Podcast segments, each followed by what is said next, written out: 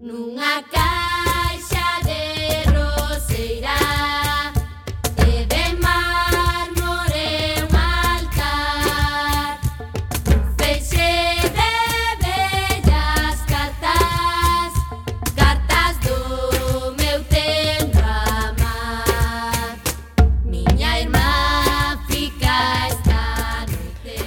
Ola, que tal, recendeiras e recendeiros? Benvidas e benvidos a este espazo radiofónico semanal dedicado á cultura que facemos en riguroso directo todos os martes a 7 da tarde aquí, na Coac FM, no 103.4, a Radio Comunitaria da Coruña.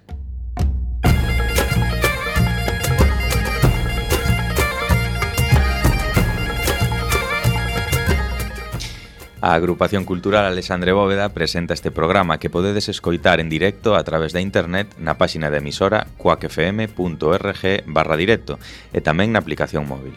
E se non chegaches a tempo, non tendes excusa, compañeiras. Podedes descargar todos os programas xa emitidos en Radioco, o mega podcast da nosa emisora, ou tamén podedes escoitalo na redifusión, que será os mércores ás 8 da mañá, os venres ás 16 horas e na madrugada do domingo ao luns ás 12 da noite.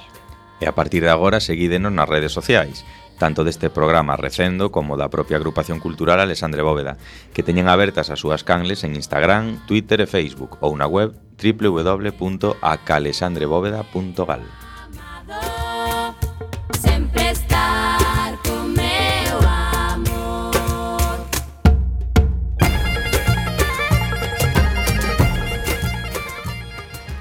Eh, e xa sen máis, imos caralón na procura desta fantástica aventura cultural con Roberto Catoira no control técnico e hoxe damos de novo a benvida a Chechu Seoane. E ¿eh?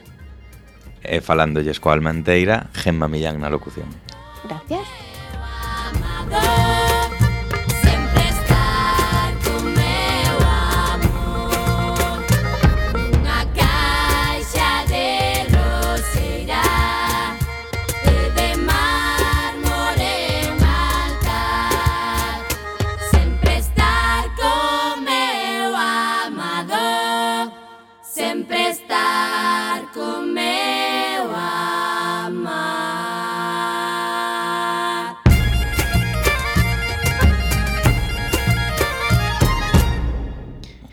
Benvidos, eh, queridos seguidores, ao programa número 453 eh, deste recendo. Dentro duns días cumpriránse 50 anos da morte do gran pintor Urbano Lugrís. Así que hoxe está aquí connosco Rodrigo Osorio, un dos voceiros da Asociación Cultural O Mural, que loita pola defensa dos seus frescos na nosa cidade e do legado do inmortal artista falaremos das actividades da nosa agrupación e das outras cousas que se fan na Coruña e na Galiza e que tamén son cultura. E na nosa sección de poesía galega recitaremos o poema Requiem cativo para un pintor grande, que o pintor Urbano Lugrís, que tamén foi poeta, lle adicou a Pablo Picasso, e así con este Requiem sumámonos outra vez aos actos do ano Picasso 2023 que se fixeron neste ano na nosa cidade da Coruña, cidade picasiana, pechando así o círculo poético que abrimos o primeiro programa do ano cando recitamos o poema que Celso Emilio Ferreiro lle adicou ao Guernica de Pablo Ruiz Picasso. E no tocante a música de hoxe, outro dos voceiros deste colectivo é Xurxo Souto, que tristemente por cuestións de horario laboral non pode acompañarnos hoxe pero podemos lembralo escoitando a súa voz nas cancións do outro inmortal grupo coruñés, os diplomáticos de Monte Alto, concretamente do seu primeiro disco titulado Arroutada Pangalaica, publicado no 1991. Presentamos a primeira peza de hoxe titulada A Tropa da Tralla.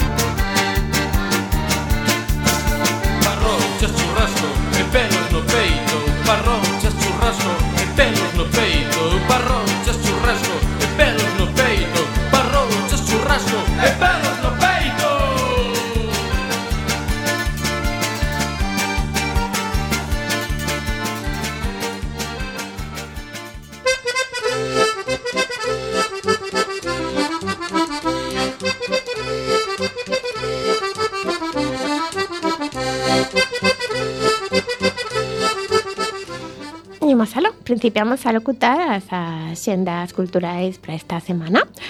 Comenzamos, como sempre, pola xenda da nosa agrupación cultural Alexandre Bóveda. O mércores 13, dentro do ciclo As Artes no Barroco, o historiador da arte e catedrático da UDC Ramón Izquierdo Perrín falarános das grandes obras do barroco galego en Compostela. Explicará a través de tres monumentos singulares o barroco da segunda metade do século XVII a primeira metade do XVIII. Será ás 19.30 horas no noso local, que xa sabedes que está ubicado dentro do edificio Circo de Artesanos na Rúa Santo André 36, concretamente no primeiro andar. O xoves 14, Martín Poli falarános da Coruña e o cinema, catro sinais de serenidade. No tránsito do século XX ao XXI cambiou por completo a exhibición cinematográfica. Na Coruña vimos nacer o Cegai, hoxe Filmoteca de Galicia, así como as salas do Fórum Metropolitano, e foi un foco decisivo do novo cinema galego. Será a sete media horas no noso local. O Benres 15, Federico Riobón presentará no noso local o seu libro O mar dos papéis. A obra cuestiona quen é máis home, o que queda a cuidar da familia ou quen marcha a loitar por un país que non está en guerra. País é país. Aí está a cuestión, non til. O actor coruñés José Losada é o mecenas desta obra. Estará acompañado polo editor Paco Macías de Edicións Positivas, será ás 19 horas no noso local. O sábado 16 faremos ademais un roteiro visitando o Barroco Coruñés con Patricia Angulo, Carmela Galego e Roberto Castro. Neste paseo polo Barroco Coruñés partiremos do seu principal foco, o cais da cidade do Ártabro para mergullarnos nas rúas, edificios da cidade alta e pescaría. A saída será desde o balcón do Parrote ás 17:30 horas e durará unhas dúas horas.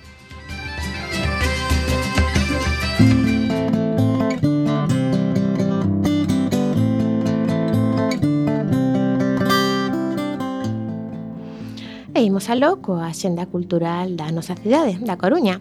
Principiamos polo oído audiovisual. Cinco adolescentes da rexión de Donbass, na Ucraína, tentan escapar dos bombardeos de Putin imaginando o seu futuro eh, retomando un proxecto de viaxe ao Nepal.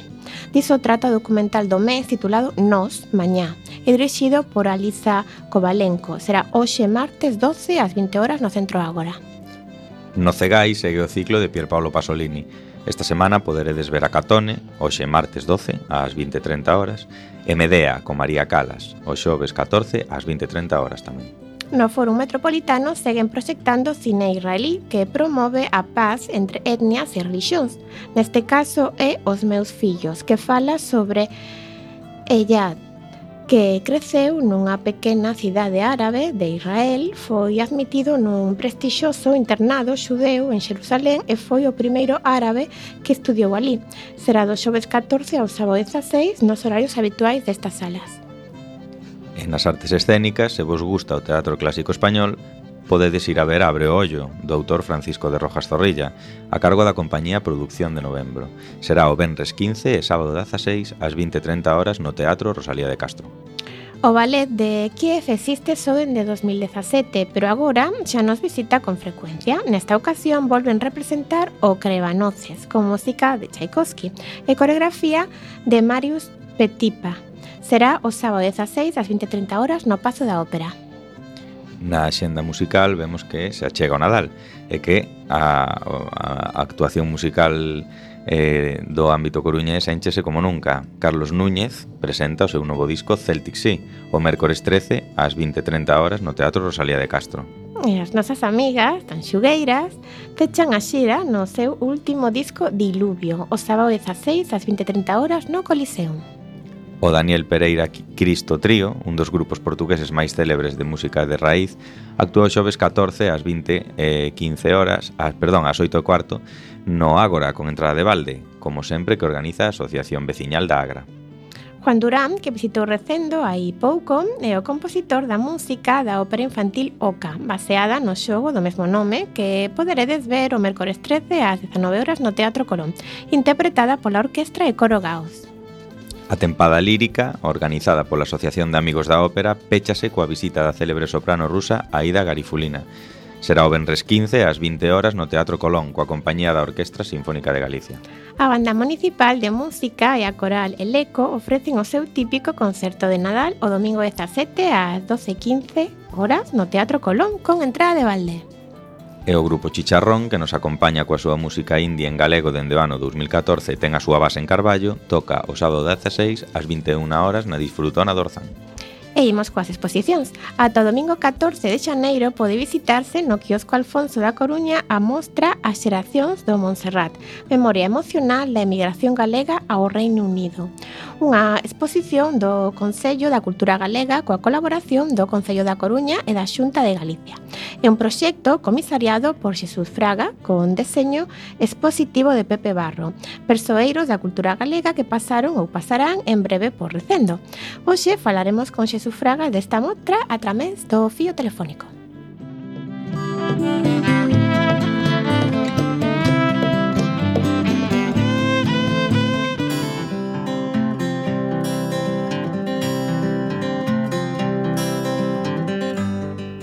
Imos con Ferrol na Xenda de Galiza. A fotógrafa Ana Amado grabou unha curtametraxe titulada Lavadoiro, na que se analizan eses espazos de relación exclusivo para mulleres e un lugar de relación entre veciñas fora do ámbito doméstico.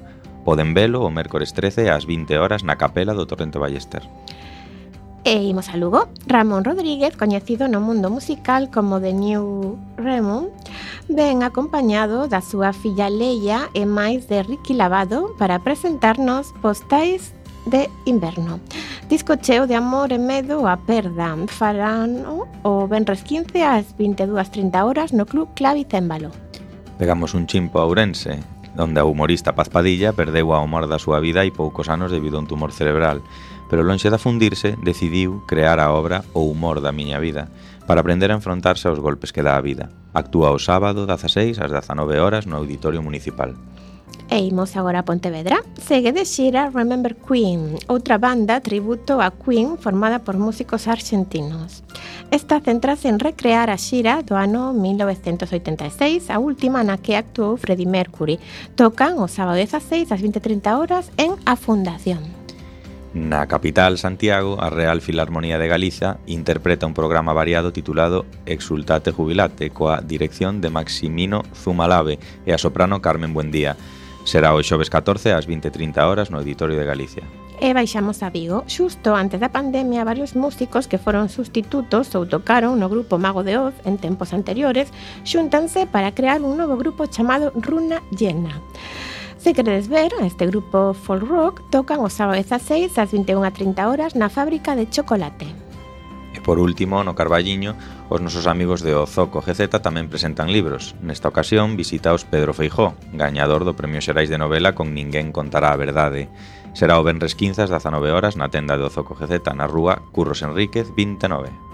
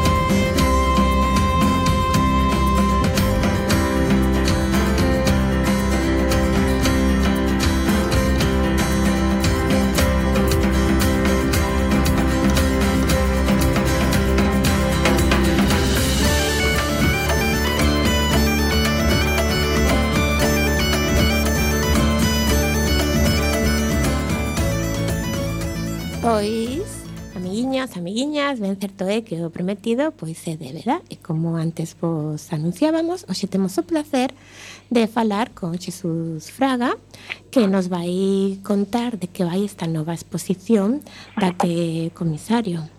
Moi boa tarde, Xesús. Que tal? Boa tarde. Pois moitas grazas por entrar en directo Nada, en Facendo Coa que Gracias a vos. Contanos, gracias a vos. contanos, de que vai esta exposición? Pois esta exposición, resumindo moito, podemos dicir nunha soa frase que trata de presentar e documentar a memoria emocional da emigración galega ao Reino Unido, eh, que principalmente se deu nos anos 60 do século pasado, eh, nunha época na que a maioría dos emigrantes eh, tiñan que ir en tren ou en barco. E nós eliximos ese, ese, esa viaxe, esa travesía a dos barcos Montserrat e Begoña, que principalmente eran os, os buques que levaban a, a xente eh, bueno, primeiro a Venezuela eh, a, nos anos 50, a partir do ano 57, 58, pero logo a emigración vira de rumbo e en vez de mirar a América mira a Europa. Foron moitos os que marcharon a Suiza, a Alemania, e os que marcharon a Inglaterra fixeron no, eh, nesas, neses anos principalmente en, en barco logo virían os, os vols charter.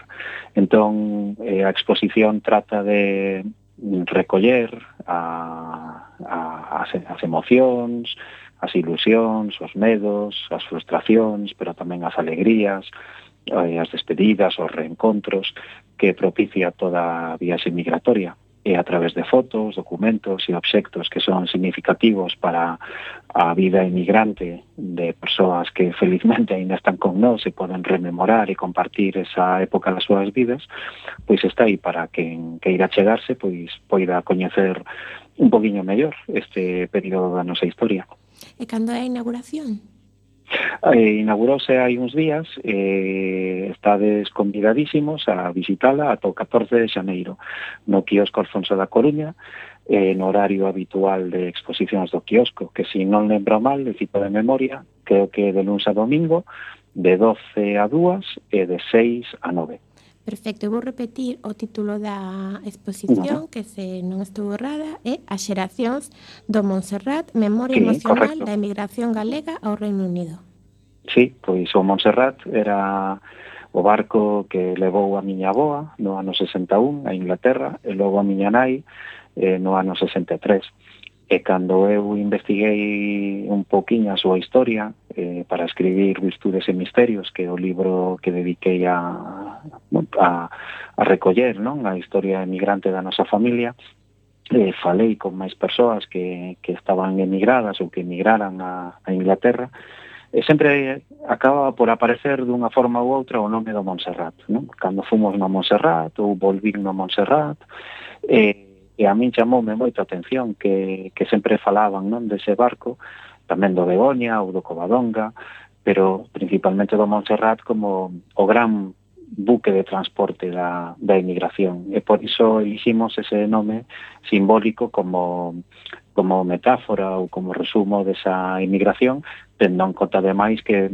moita xente que traballaba no barco mariñeiros, camareiros, eh, nas máquinas, etcétera, eran tamén de Galicia. Uh -huh.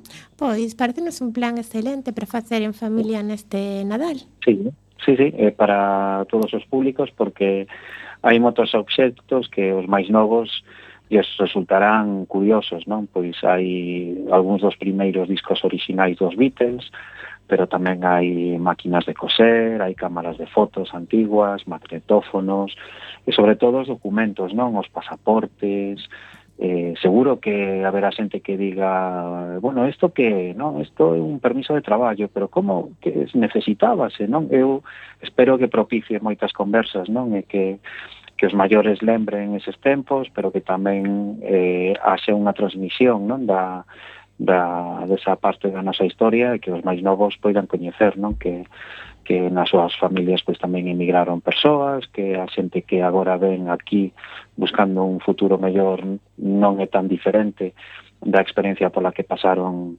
eh, as, as xeracións que nos precederon e que tamén siga habendo moita xente emigrada polo mundo adiante que algún día saiu daqui. Perfecto, pois Xesús, ata aquí chegamos co teu tempo Muy porque ben. temos aquí ah. na mesa a Rodrigo Osorio que nos vai falar de Urbano Lugrís. Así que hai que reservar tempo para el tamén. Moitas gracias por explicarnos a túa exposición e, bueno, Genial. Nos, nosos que estamos aquí na mesa imos ir vela seguro. Moi ben, gracias Así a vos. Que, pues nada, feliz, feliz Nadal, próspero ano novo, todas estas cousas. Moitas gracias outra vez. Unha aperta, Xesús unha aperta.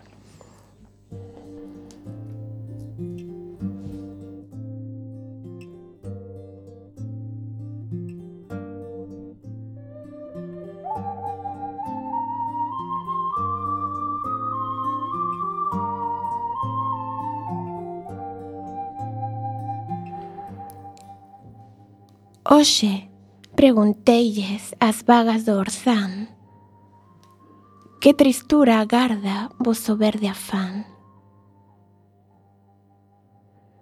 Que atas areas tan graves están. Respondeu o vento Ai, foi un amor no mar maior De mar maior de Riazor. Con vilas azulagadas e mortas en flor, e todos os sinos no fondo do mar, hoxe todos andan a saloucar e a chorar. As sereas calan, solo canta o mar. O mar, testemunho dun neno andaluz que tiña nos ollos guardada unha luz. As ondas do orzán van, veñen, van.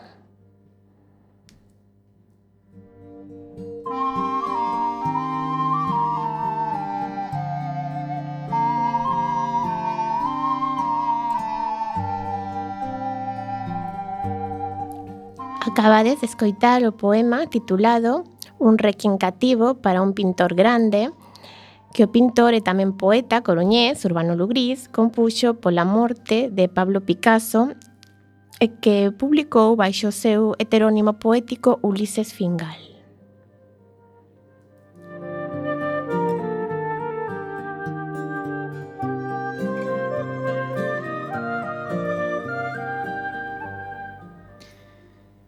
Bueno, ano presente está chegando ao seu final e en recendo entran nosas presas por non deixar pasar a oportunidade de celebrar unha das efemérides do ano para a cultura galega. Este ano cumprirose 50 anos da morte de Urbano Lugrís. Lugrís é un dos pintores galegos máis recoñecidos do século XX, cun estilo totalmente persoal, as súas obras son facilmente identificables as súas paisaxes mariñas cunha ambientación onírica e surrealista, a súa iconografía baseada en seres fantásticos, o mundo do mar e as lendas celtas forman parte do imaginario popular galego. Aínda que sexa unha figura popular, a obra de Urbano Lugrís non se conserva todo ben que debería ser. Deste tema falaremos polo miúdo ao longo da tarde. Urbano Lugris nace na Coruña no ano 1908, fillo de Manuel Lugris, fundador da Real Academia Galega e da pianista Purificación González. Na súa infancia, Urbano Lugris é influenciado por Nacho Vieites, adicado a fomentar a pintura entre os máis novos. O pintor comenzou os estudos de perito mercantil, pero se abandona para marchar a Madrid nos anos 30. Ali coñece a Rafael Dieste, Rafael Alberti e García Lorca, entre outros. Nesta época, enrolase nas misións pedagóxicas e acaba recorrendo España no Teatro da Barraca ao comenzo da Guerra Civil, firma o comunicado de apoio á República o que lle acarrearía problemas a Urbano Lugrís. No ano 49 realizaría a súa primeira exposición. Mais adiante, de volta en Galiza, Urbano realiza unha serie de murais por toda Galicia e, por exemplo, en Madrid para o Instituto de Cultura Española. Graza a este mural, Urbano Lugris sería contratado por Franco para decorar o yate Azor. Falando dos murais, algún deles están perdidos, outros foron despegados das paredes e conservados para a posteridade. Sigue habendo algún deles que sigue ubicado onde os pintou Urbano Lugrís. Dentro deste grupo hai algúns ben conservados, pero hai outros, como da Rúa Olmos en Coruña, que está moi deteriorado e témese pola súa supervivencia. Asociacións como Ignave Civitas ou Asociación Cultural ou Mural están loitando por salvalo. Desta última asociación forma parte o noso convidado de hoxe. Boa tarde, xa que Rodrigo Osorio é o voceiro da Asociación Cultural O Mural. Boa tarde. Que tal, Rodrigo? Moi ben. Bueno, moitas grazas por estar aquí connosco. Eh, de, temos un bo, un bo programa hoxe despois de Xesús Fraga e, e agora contigo. Eh, para comezar, cando foi, ti lembras, cando foi a primeira vez que contemplaches unha obra de Urbano? Sí, perfectamente na, na exposición antolóxica que lle dedicaron en 1997 no Auditorio de Galicia, en Santiago de Compostela. E foi unha exposición que organizaron Rosario Sarmiento e, e Antón Patiño, que primeiro fixeran a exposición en Madrid, no Círculo de Belas Artes, e despois veu aquí a, a Galicia. Eu estaba estudiando en Compostela, eu non son de Galicia, eu son de non son, son casi de Galicia, son de Ponferrada. Eh, mm. podese discutir, pero non. non eh, eh E coñecín ali a Urbano Lugris e ademais era unha exposición que recollía prácticamente toda a súa obra e realmente quedei mar... fun por casualidade e quedei maravillado. E logo recuperei cando vin a vivir aquí a Coruña, fai cousa de 11 anos, grazas a Suso Souto e outras compañeiras que fomos a un obradoiro de Asociación de Escritoras en, en Lingua Galega, recuperamos este gusto por Lugrís porque era dedicado á literatura do mar e armamos este colectivo en Navequivitas que empezou a colaborar coa Asociación Mural na protección e a lembranza de o pintor urbano Luis, pintor e escritor. Como lle describirías, eh, Rodrigo, a, a, a pintura de Urbano Lugrís a unha persoa que non o coñece? Pois non, non é doado, pero fixéchelo moi ben fai un momento. É unha pintura aparentemente moi sinxela, é unha pintura realista, figurativa, unha pintura na que Enténdese todo, pero ten agochada dentro dela un misterio. Todo se entende. E ten como dúas fases moi moi claras, non? Unha primeira fase nesos primeiros anos 40, despois da guerra, que ten moitísima, moitísima influencia da pintura flamenca do século XVI e XVII, moito detalle. De feito, sempre pintou sobre táboa, non pintaba en, en, oli, en, en tea, pintaba en unha táboa como facían os pintores flamencos, e aí están eses cadros maravillosos cheos de detalles como a habitación do vello mariñeiro, o anticario do, anticuario do Porto e outros. E logo ten unha, unha etapa posterior, nos anos 50, 60, xa despois de, desa época dos murais que falamos, en que se volve todo máis claro, máis unhas, unhas cores máis planas, que ten varias niveles de horizontalidade, e que amosan un, amosan un mundo no que creo que o Lugris quería agocharse da tristura que lle tocou vivir. O que quería vivir, parece, no que, ¿no? no que realmente quería vivir, claro, porque como falaba, el estivo moi implicado nos movimentos da, da República e do galeguismo. Primeiro do galeguismo, porque estaba o seu pai, a súa nai, o seu padriño era Francisco Tetamanci, estivo vencellado a, a, a moi amigo de Álvaro Cebreiro, Ele estaba moi vinculado con todo o mundo burgués nacionalista da Coruña de, de, da, da época da República e previa á República.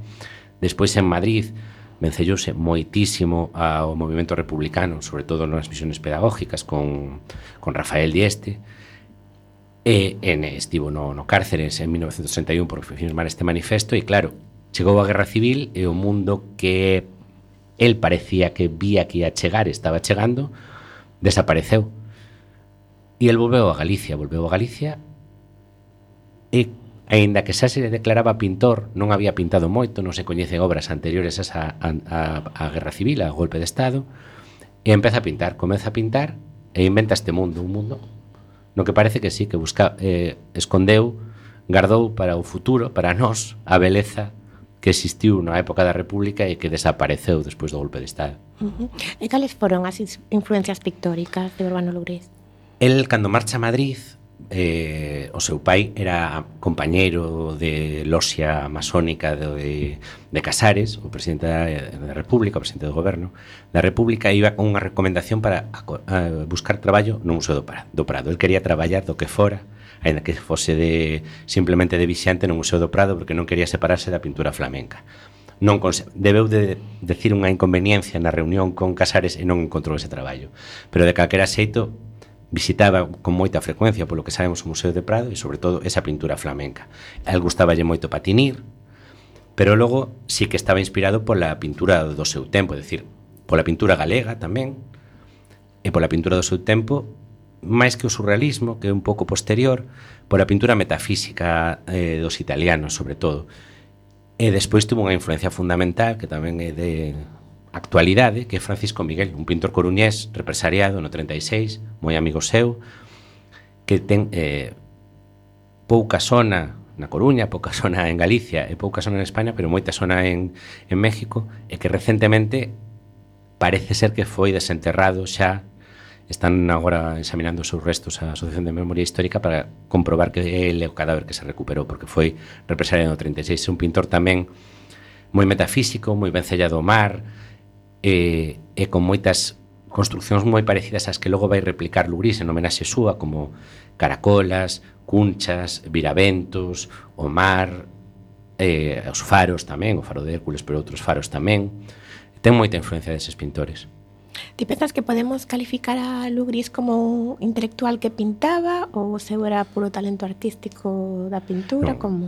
non Lugris, polo que din todos os que o coñeceron, Lugris era unha biblioteca con patas. É dicir, Lugris parece que dominaba o francés, o inglés, o alemán, sabía centos, algúns din que miles de poemas neses idiomas de memoria, eh, recitados en calquera, en calquera momento, normalmente en tabernas, que era o seu hábitat habitual, pero o exemplo de cando coñeceu a Antón Avilés de Taramancos, que é unha figura esencial na biografía dos dous, xa nos anos 50, cando veu Antón Avilés a estudar, Antón Avilés estaba en no Sardín de San Carlos, na Coruña, mirando a lápida esa onde está o poema que Rosalía, un fragmento do poema que Rosalía dedicou a Sir John Moore, e Avilés estaba lendo. Notábase eh, no movimento da cabeza que estaba a ler, estaba a ler e apareceu detrás Lugrís, un mangallón de un metro noventa, e parece que colleu o ritmo de donde ia lendo Antón e continuou recitando todo o poema, que son máis de 400 versos e non están ali, non están en la lápida, agarráronse de ganchete e xa non se separaron hasta que Lugri, hasta que Antón Avilés marchou de Galicia. Uh -huh. E semella que Lugris non ten tanta obra pictórica, a que crees que é debido? Que non ten moita produción. Pictórica? Hmm. Non, ten moita, moita, moita. E de feito, de, foi, de feito é un bueno, moita non sei, non sei como podemos comparar, pero é un autor que pintou moito e de feito a obra está moi espallada porque el tivo moito éxito en vida, é un pintor que vendía todo o que expuña. O que pasa que os cartos gastábaos, pois pues, bueno, tiña unha vida moi disipada na, na, na bohemia, pero el, el vendía moito, vendía ben a obra e pintaba moito, moito, só o que non sei, non sei, pero por exemplo agora nas coleccións da banca e da fundación pode haber 50 tabuas de hilo gris perfectamente. So, hai, hai que dar conta que empezou a pintar no 46, entre 46 e o 73, pero hai moitísima hai moitísima obra en outras en outros museos e tamén en moitas coleccións privadas. E no 49 Rodrigo foi a súa primeira exposición eh, non expuxo nada ata aí, acabas de dicir que empezou a pintar no 46. Podería ser que quizáis o seu apoio á República, o seu pasado, non eh, pude, puderalle influir eh, na súa recepción posterior? Eh, claro que el parece Hai, hai datos, eh, el participou cando estivo, estivo ademais de estudar perito mercantil aquí, estudou eh, magisterio, que era magisterio escola normal daquela, en Compostela. E cando estivo en Compostela, afiliouse ás mocidades galeguistas E ali xa poñía Urbano Gris, estudiante e pintor. Pero non se, e estamos falando de, 26, de 1926 pero non se conservan cadros desa época. Marcha a Madrid e embarcase en outros proxectos intelectuais, fundamentalmente no Teatro de Monicreques. Estivo traballando en unha en a compañía de monicreques profesional do Estado máis importante durante 4 anos irando por todo o Estado. Interesante, vos non, non sabía, por é, exemplo. Pois é, é, é, unha, é, unha, é unha historia, a él estaba encantado, ademais, mm. porque ele empezou pintando decorados, lóxicamente, facendo monicreques, pero despois tiña unha voz tan versátil que decía que era o mellor para dieste, decía que era capaz de facer dende a princesa ata o dragón. E Lugris conta que en Vigo, en Cabanas, representando unha obra de Monicreques, cando fixo o rusido do dragón, todos os rapaces marcharon e rematou a obra. Entón, nesa época non pintaba. Non pintaba porque eu entendo dedicouse a escribir tamén, escribía nesa época en revistas eh, de Galicia e alguna de Madrid tamén.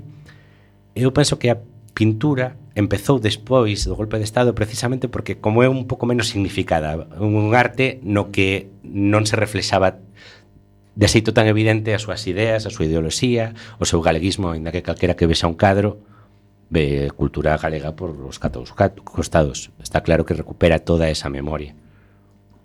É o é doado, non, atopar o dato eh, de que loitou, de que loitou, perdón, do lado dos sublevados, aínda que hai xente que que desminte isto, non? Que o que sabemos realmente. Eso contaba o el. Pero agora eh, Chisco Fernández Naval acaba de publicar un, un libro, Ser Cetáceo, que, como fala da, das baleas e a cultura das baleas, eh, dedicalle un, un capítulo a Lugris e investigou todos os arquivos militares e non atopou o dato do alistamento de Lugris no bando nacional. De feito, Lugris decía que participara no exército de voluntarios da falanxe da Coruña. E eso está ultra documentado, según Fernández Naval e non está nesa lista lugrís. Entón probablemente fose unha historia, unha especie de eu estiven no bando nacional para que esqueceran que o fillo de Lugrís Freire, que era o amigo de Francisco Miguel, que era o amigo de Álvaro Cebreiro que estaba agochado na súa casa. É dicir, se eu loitei no bando nacional e alguén o cree, eu son aquí e aquí estou. Uh -huh. Claro, había que sobrevivir. Sí. Lugris non só é pintor, xa ben o dixemos, tamén é, é escritor. E como valoras a súa creación literaria? Sabemos tamén que tamén foi ilustrador e foi uh -huh. fundador dunha, dunha revista. Contanos un pouco todo eso. Claro, el estaba implicado, el, el dende o principio sí que era, eh, dedicouse a, a escrita de un xeito moi importante. El parece ser que tiña moitos, moitísimos poemas, moitos delos perdéronse e, e moitos contos e colaboracións en revistas, pero facer fixo absolutamente de todo, fixo hasta xeroglíficos, e moitísimas ilustracións. Ten unha poesía e unha escrita moi do seu tempo. E, objetivamente poderíamos decir que boa. A mí personalmente pareceme moi barroca e requintada, é dicir, agora é complicada ler a literatura de Lugrís, pero ten moitos valores que, que, que amosan o que era a literatura de seu tempo, pero alguén que ten moito máis criterio que a min, que é Fer Méndez Ferrín, que coñeceu a Lugrís cando Ferrín era un mozo, nos últimos anos de, de Lugrís en Vigo, di que si Lugrís dedicarase exclusivamente á literatura, aínda que escribira en castelán, como estaba facendo no seu, na súa época, porque non podía facer outra cousa, eh, sería un membro de, de nivel medio alto na xeración do 27. Entón, bueno, Ferrín sabe máis de poesía que a min. Vamos explicar tamén que era o tempo das vanguardas en Europa, mm. entón que claro que non era de todo extrafalario ubicar o arte en diversos um, eidos, por así dicirlo. Claro, es que aparte el tiña influencias por todas as bandas, claro, o seu pai un literato, a súa nai unha música excelente, un tío seu, pintor, que pode ser tamén do que viñera a, ao gusto pola pintura, o seu padriño, eh, historiador e literato tamén. É dicir, ele estaba influído e bueno, o ambiente da Coruña dos anos 20, que era un ambiente o ambiente burgués da Coruña dos anos 20, totalmente influenciado por todas, claro, estaban nacendo as Irmandades da Fala, estaban nacendo a Real Academia, ele estaba ali en todo, e coñeceu a Pondal, moi maior, a Pondal, pero eh, hai anécdotas que como vía el a Pondal, e claro, Pondal relacionábase co seu pai, Claro, estaba no, no meollo do asunto. Uh -huh. E sabemos tamén que a partir dos anos 50 adícase moito a creación de murais por encargo. Xa uh -huh. que era exitoso como, como pintor, que vendía moi ben. E, bueno, por que leva a súa carreira por este, por este camiño? Por os cartos ou como foi? Su, eh, supoño que, se, um, que simplemente foi encargos que lle, que lle gustaban, é dicir, porque el aparte de toda esa visión que di antes de que a súa a pintura, como intenté describir, eu penso que unha palabra fundamental é popular. É dicir, el non fai un, un arte, é un arte ultraculta, pero non para élites. É dicir, é un arte para todo o mundo.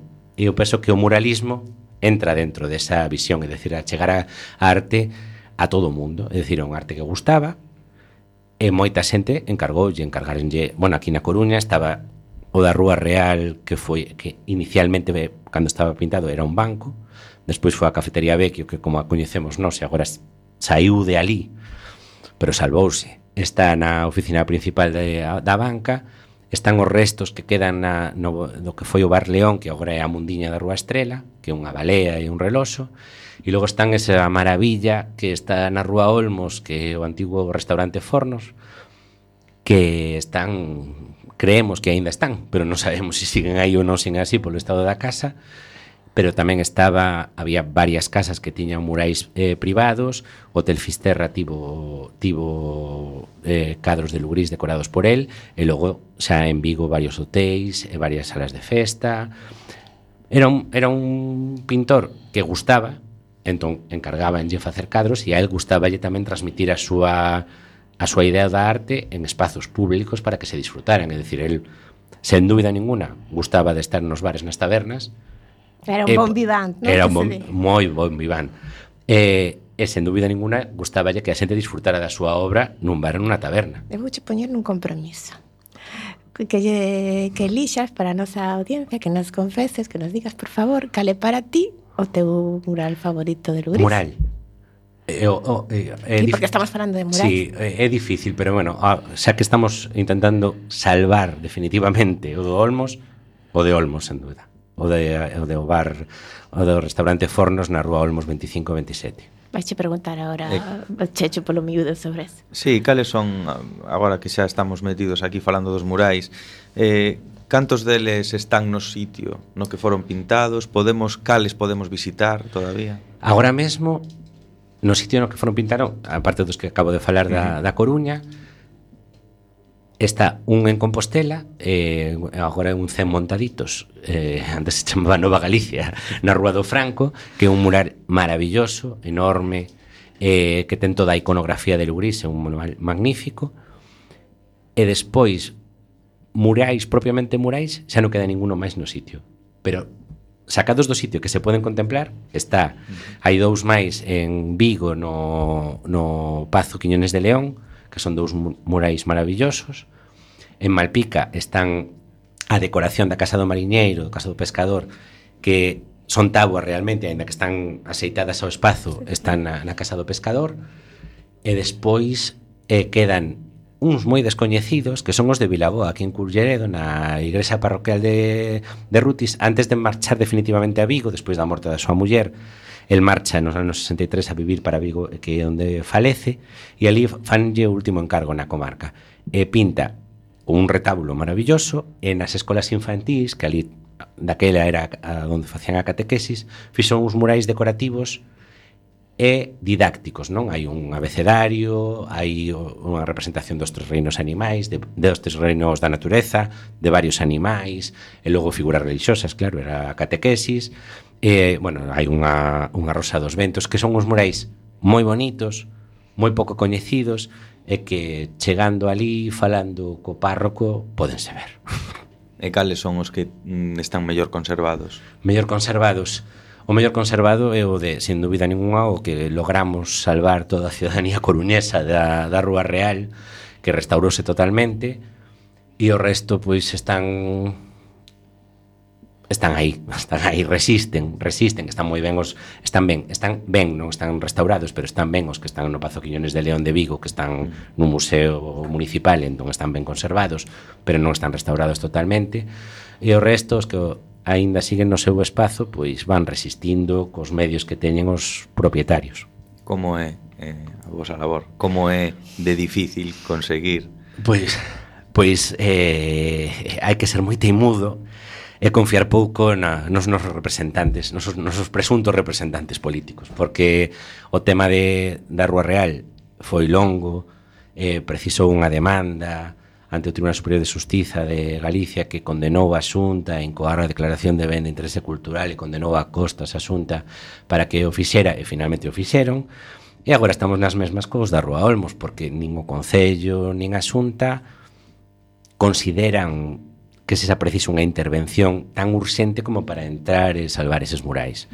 De feito, o Conselleiro de Cultura xa, di, xa vai dúas veces que di no Parlamento que os murais están protegidos e con eso queda. E hai un informe que conseguimos que fixera unha técnica municipal despois de moito insistir que din que todos están cuantifica en varios estados, non? Eh, le, eh, bo estado eh, regular, grave, moi grave e tal, e ningún está en bo estado, é dicir, todos están en regular, grave, moi grave ou en risco de perda. E ese informe é de marzo deste ano, antes de todo o calor do verán, que non é boa cousa, e antes de todos estes trens de borrascas que levamos dende, dende outono, que están a auga está a caer en riba dos murais da Rúa Olmos, é dicir, temos esperanza, hai esperanza, pero cada día que pasa, cada choiva que cae, unha, un, estado, é un edificio que está en estado de abandono absoluto, sen fiestras, co tellado roto, polo que vai caendo a auga, pois pode que perdamos os murais de Lugrís. E se os perdemos, non será porque a Asociación Mural non avisou en, en xuño de 2021 que estaban en ese estado de abandono. Entón, exactamente, este mural da Rúa Olmos a quen pertence ahora mesmo? Despois de toda a liorta que houbo? Claro, eh, en, o mural pertene, eh, é propiedade dos donos da casa que é unha, unha inmobiliaria que está en concurso de acreedores, polo que sabemos nós. Eles manifestan que non teñen cartos para encargarse da reparación, nin para facer nada que, que impida que os murais teñan máis, eh, teñan máis danos, pero ademais de ser titularidade, decir, os donos son esa entidade, como están catalogados, porque cando conseguimos a protección do outro mural da Rúa Real, conseguimos que se catalogasen todos os murais de Coruña, ao estar catalogados, forman parte do Patrimonio Cultural de Galicia. Ergo deben estar baixo o amparo do Paraugas de Patrimonio. Claro, é dicir, polo que tanto o Concello, no caso da Coruña, e a Consellería de Galicia, de, de Cultura de, de Galicia teñen a obriga de fomentar a protección e que non se perdan eses murais. Logo se reclamarán os cartos ao propietario no caso de que poidan facelo, pero claro, en un non sabemos que hai moitas casas en mal estado na Coruña, hai moitas casas en mal estado en, eh, en Galicia, moitas casas que poden caer, pero dubidamos que exista outra casa en Galicia con un mural de Lugrís con un grano con un único consunto muralístico, 12 murais, que se conserva tal e como os pintou Lugrís, que exista un, un espazo así que requira unha intervención tan in, in, inmediata, é dicir, pensamos que é unha situación urxente e un ben con suficiente valía como para que requira intervención pública. Por exemplo, no caso do Hotel Moderno de Vigo, os murais foron despegados e conservados. É certa esta información? Sí, sí, son os que están no Pazo de Quiñones de León, os que falaba eu antes. E por que iso que pasou neste hotel moderno de Vigo non pasou noutras localizacións? Pois pois supoño que eh, aí o que pasou realmente eh, foi nos anos, me parece que nos anos 90 eh, foi que houve interés houve interés por parte de Concello que adquiriu os murais e eh, gastouse os cartos en sacalos de aí Por que se salvou da Rúa Real? Salvouse da Rúa Real porque conseguimos a declaración de ben de interese cultural e porque a propietaria do baixo da Rúa Real é unha persoa con, moitos con moito diñeiro e moita influencia. Entón, como esa persoa, cando veu que o seu ben, si tes un ben de interese cultural e cae, cometes un delito contra o patrimonio cultural moito máis grave que se tes un mural que non está catalogado. Entón, por eso foi a vía de intentar o ben de interese cultural. Unha vez que veu que era ben de interese cultural, veuse na obriga de negociar coa banca para que o sacaran de ali e o levaran a tal, pero estar, estar protegido. É o que estamos a intentar a facer co, co outro, porque como o noso Concello ni a Xunta teñen a sensibilidade que tivo o Concello de Vigo nos anos 90 de sacar eses murais para, para salvalos, pois hai que intentar forzar as coas vías legais que temos que é intentar a declaración de ben de interese cultural e aí estamos. Uh -huh. eh, ahora que chegou Nadal, se queremos ir de museos e eh, coñecer un pouco máis a obra de, de Lugrís, pois pues, onde temos que ir? Onde pues nos recomenda? Aquí en Coruña, no Museo de Belas Artes, temos catro pezas de Lugrís, na Fundación Jove, que hai que pedir cita, hai parte de un, de un mural que estaba na Rúa Estrela, aparte que non está no Barleón, está na Fundación Jove. Pero que impresionante, fago un inciso aquí, o, o que se pode ver na Fundación María José Jove, é eh? interesantísimo. pois pues hai, hai, que, hai que ir, unha, nova oportunidade. E, e despois, seguindo camiño, bueno, podemos ir a Vilaboa, a, a Igrexa de Rutis, Malpica, parar en Compostela na, na noción montaditos, aínda que non, non é preciso comer nada, podemos comer en outros sitios sen, sen ningún problema, entrar polo menos a ver o mural. Seguimos baixando no Museo de Pontevedra, hai parte de murais que estiveron na Clínica Álvarez de Santiago de Compostela, unha clínica que decorou Lugrís, Vamos a Boeu, que é unha parada imprescindible en calquera ruta lugrisián, porque ali temos a Capela dos Santos Reis, que é un, o elemento máis raro da obra de Lugrís, é dicir, unha, un elemento arquitectónico que fixo por encargo do alcalde Masó no ano 1900, entre 1948 e 1953, que é unha auténtica maravilla, unha peza, é unha capela como de peto, unha pequena igresa que é a única o único templo en Europa xunto coa Catedral de Colonia dedicada aos Reis Magos. E ali é un, é un espacio maravilloso que, que, se, que recomendo vi, vi, visitar e despois xa Vigo.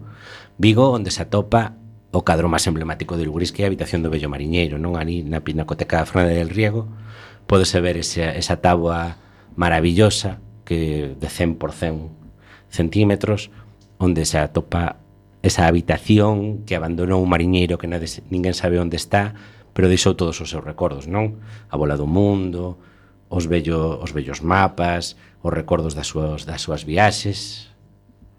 E eu penso que podería rematar así a viaxe. Uh que interesante, verdad, Chucho?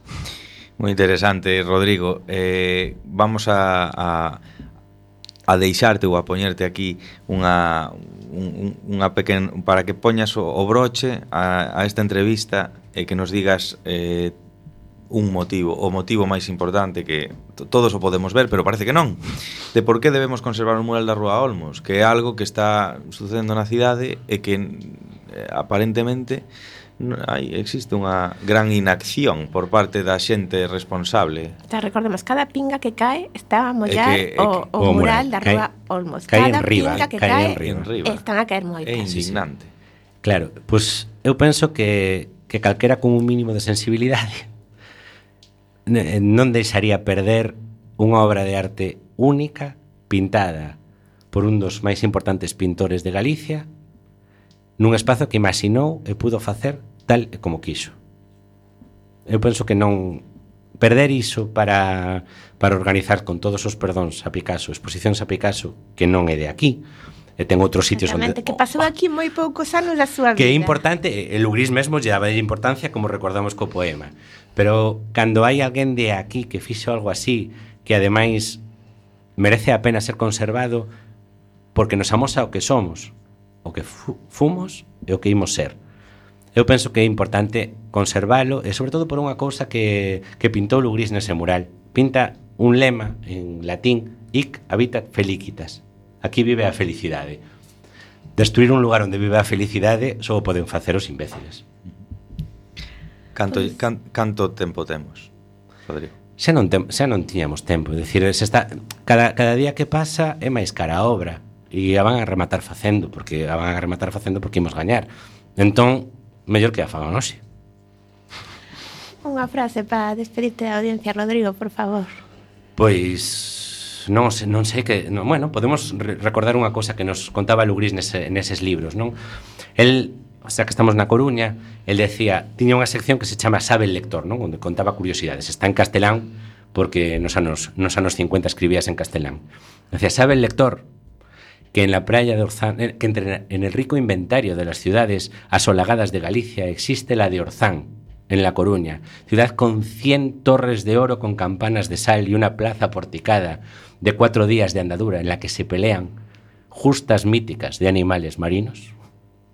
Precioso, Rodrigo vai me quitar o papel de recitador oficial de recendo. Moitas gracias por vir, Rodrigo Gracias a Osorio. vos. Moitas gracias, Rodrigo. Eh, e sen tempo para máis odiseas imos chegando a fin do camiño deste recendo. Despedimos o programa de hoxe agradecendo ao noso convidado Que como sempre, pois, é de honra. Hoxe tivemos o placer de falar de Rodrigo Osorio Da obra do noso pintor coruñés Urbano Lubrís. E agradecendo a semente e pedra angular de todo, o noso comando e equipo de produción formado por Javier Pereira, Gema Millán e Roberto Catoira. E aquí estivemos Roberto Catoira nos controis e co alento no micrófono Checho Seoane e Gema Millán. E...